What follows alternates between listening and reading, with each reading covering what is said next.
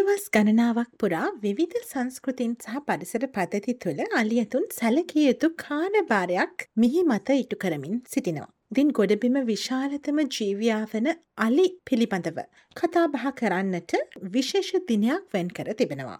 ඒ අලින්ගේ ඇති මේ සුවිශේෂීතාව නිසාමයි. අලි සංරක්ෂණය කරන ප්‍රයත්නයන්ට තනි පුද්ගලයින් විදියට ඒවගේම ප්‍රජාවක් විදියට අපිට දායක විය හැකේ කොයි ආකාරයකින්ද. මේ අලි ඇතුන් පිළිබඳව කතා බහ කරන්නටම වෙන්වුණු The World's එලිෆන්ටේ වෙනුවෙන් තමයි SBS සිංහල ගුවන්විදුලියෙන් අද මේ සාකච්ඡාව අප ඔබවෙත ගෙනෙන්නේ. මේ පිළිබඳ සාකච්ඡා කරන්නට අප සමගත දවසේ සම්බන්ධ වෙන්නේ මූලෝක් විශ්වවිද්‍යාලයේ ජෛවීය විද්‍යාංශයේ ආචාර්ය උපාධි අපේක්ෂිකාවක් වන දුල්මිනී ජයනිතා ලියනගේ.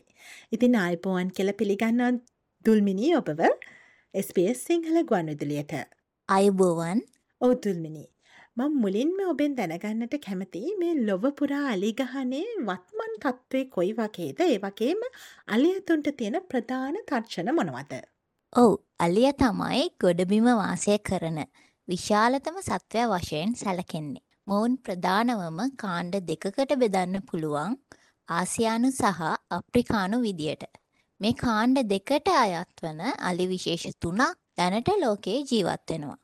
ඒ තමයි එලිෆාස් මැක්සිමස් ඒ කියන්නේ ආසියානු අලියා ලොක්සඩොන්ටා ඇෆ්‍රිකානා එහෙම නැත්නම් අප්‍රිකානු සවානා අලිය සහ ලොක්සඩොන්ටා සයික්ලෝටිස් ඒ කියන්නේ අප්‍රිකානු වනාන්තර අලිය කියන විශේෂ තුන. මේ විශේෂ තුනම IUCN රතු දත්ත පොතේ ගහනය අඩුවමින් පවතින විශේෂ විදියට හඳුනගෙන තියෙනවා.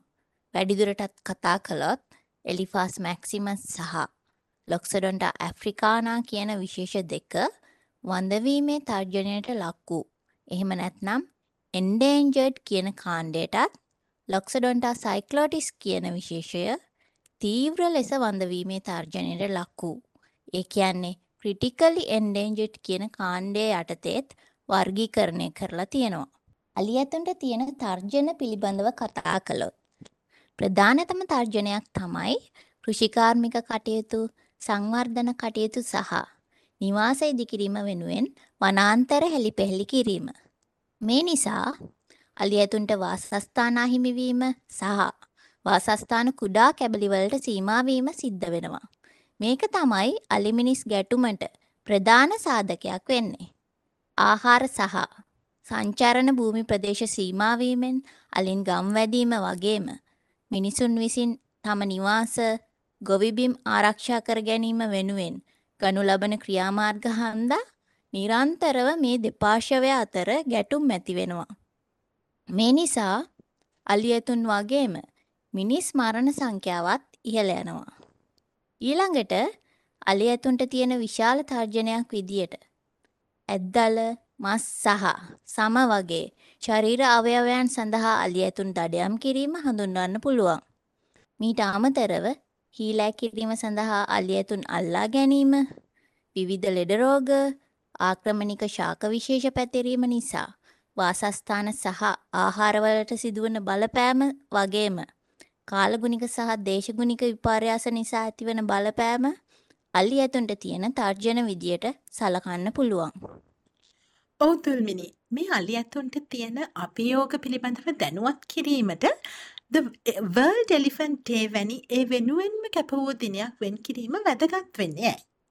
අලි ඇතුන් කියන්නේ ඔවුන් ජීවත් වන පරිසර පද්ධතියේ ඉතා වැදගත් කාර්යභාරයක් ඉටු කරන පරිසර පද්ධති ඉංජිනේරුවන් විදියට සලකන ජීවින් කොට්ටාශයක්. ඔවුන්ගේ ගමන් කිරීම නිසා එම පරිසර පද්ධතිවල අනෙකුත් සතුන්ටත් ගමන් කිරීමට පහසු අඩිපාරවල් නිර්මාණය වෙනවා. ඔවුන් ආහාර වෙනුවෙන් ශාකවල ඉහළ ස්ථරවල තියෙන අත්තු කැඩීම මගින් සූර්යාලෝකය පොළවට පතිත වීමට අවශ්‍ය ඉඩකඩ නිර්මාණය වෙනවා.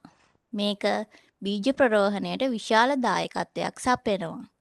මේ අතුවල ඉතිරි කොටස් අනෙකුත් ශාකභක්ෂක සතුන්ට ආහාර සපයනවා. ඒ වගේම මොවුන් විශාල ගස් පෙරලා දැමීම නිසා තෘණභූමි වනාන්තර බවට පත් නොවී ඒ ආකාරයෙන්ම පවත්වාගෙන යන්න විශාල පිටිවහලක් වෙනවා. ඒ වගේම ආහාර විදියට තනකොළ ලබා ගැනීමේදී තනකොළ ඉදිරීම මගින් බීජ ප්‍රරෝහණයට අවකාශය සපයනවා. මේ ක්‍රියාව නිසා පසේ මතුපිට ස්තරවල කෘමි හා ශුද්‍ර ජීවීන්ගේ ක්‍රියාවලින් වර්ධනය වීම මගින් වඩා හොඳ පෝෂණ ද්‍රව්‍ය චක්‍රීකරණයක් සිද්ධ වෙනවා. අලින්ගේ විශාල භූමි ප්‍රදේශයක් පුරා පැතිරුණු සංචරණ රටාවන් නිසා ඔවුන් විසින් ආහාරයට ගන්නා ලද බීජවල ව්‍යාප්තිය සිද්ධ වෙනවා. ඔවුන්ගේ මලද්‍රව්‍ය මේ බීජ ප්‍රරෝහණය සඳහා අවශ්‍ය සාධක වන තෙතමනය පෝෂක සපයනවා. මීට අමතරව අලින්ගේ මලද්‍රව්‍ය කුරුමිනියන් වේයන් පත්තෑයන් වගේ විශාල ජීවින් ප්‍රමාණයකට ආධාර සපයනවා. උදාහරණයක් විදියට ගත්තොත් ගොම කුරුමිනියන්ට මේ අලි මලද්‍රව්‍ය වාසස්ථාන සපයනවා. ඒ වගේම කුඩා කෘමි සතුන් සඳහා අභිජනන මධ්‍යස්ථානයක් විදියට මේ මලද්‍රව්‍ය ක්‍රියා කරනවා.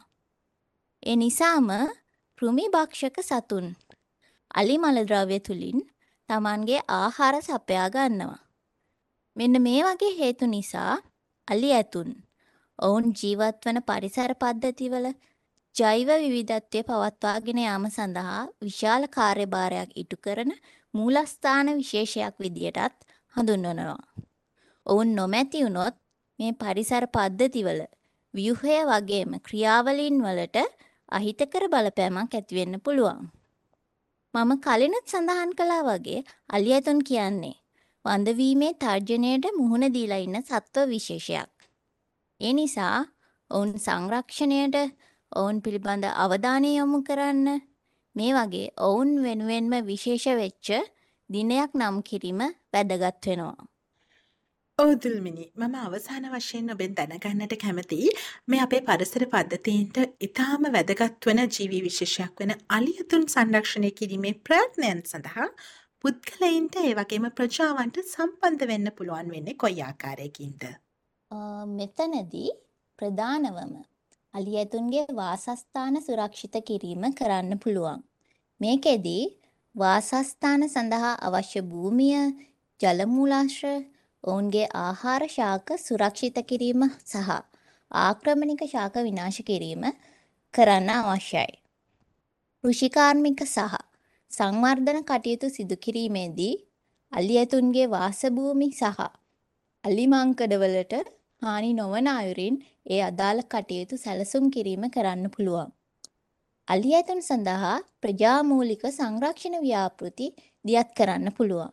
උදාහරණයක් විදියට ගත්තොත් අලි ඇතුන්ගේ වාසභූමි අවට ජනතාව අලින් සමග මූලිකවම ගැටෙන පිරිසක්.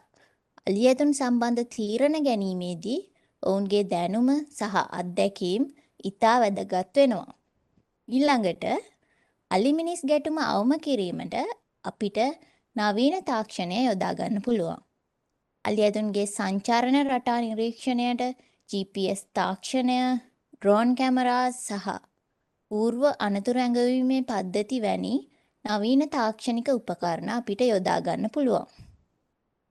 අලි ඇතුන් පිළිබඳව දැනට පවතින නීති රීති යාවත්කාලින කිරීම සහ නව නීති පැනවීම කරන්න පුළුවන්. උදාහරණයක් විදියට නීති විරෝධී ඇද්දල වෙළඳාම සහ අලි ඇතුන් දඩයම සම්බන්ධ නීති හඳුන්වන්න පුළුවන්. ඒ වගේම අලි ඇතුන්ගේ ගහනය, චර්යා රටාවන්, ඔවුන්ගේ ව්‍යාප්තිය, ඔවුන්ට තිබෙන තර්ජන වගේ විවිධ අංශවල සිදු කරන පර්යේෂණ සහ අධීක්ෂණ කටයුතු වැඩි දියුණු කිරීම කරන්න පුළුවන්. මීට අමතරව අලි ඇතුන් සුරැකීම පිළිබඳ දැනුවත් කිරීමේ වැඩසටහන්, පරිසර හිතකාමී සංචාරක ව්‍යාපෘති ආදිය අපිට සිද්ධ කරන්න පුළුවන්. ඔව් අපි අද දවසේ කතා බහ කරමින් සිටියේ The World Elephants Day වෙනුවෙන් අලි ඇතුන් සංරක්ෂණය කිරීම සඳහා අපට දායකත්වය ලබා දිය හැකි කෙසේද යන කාරණය පිළිබඳවයි.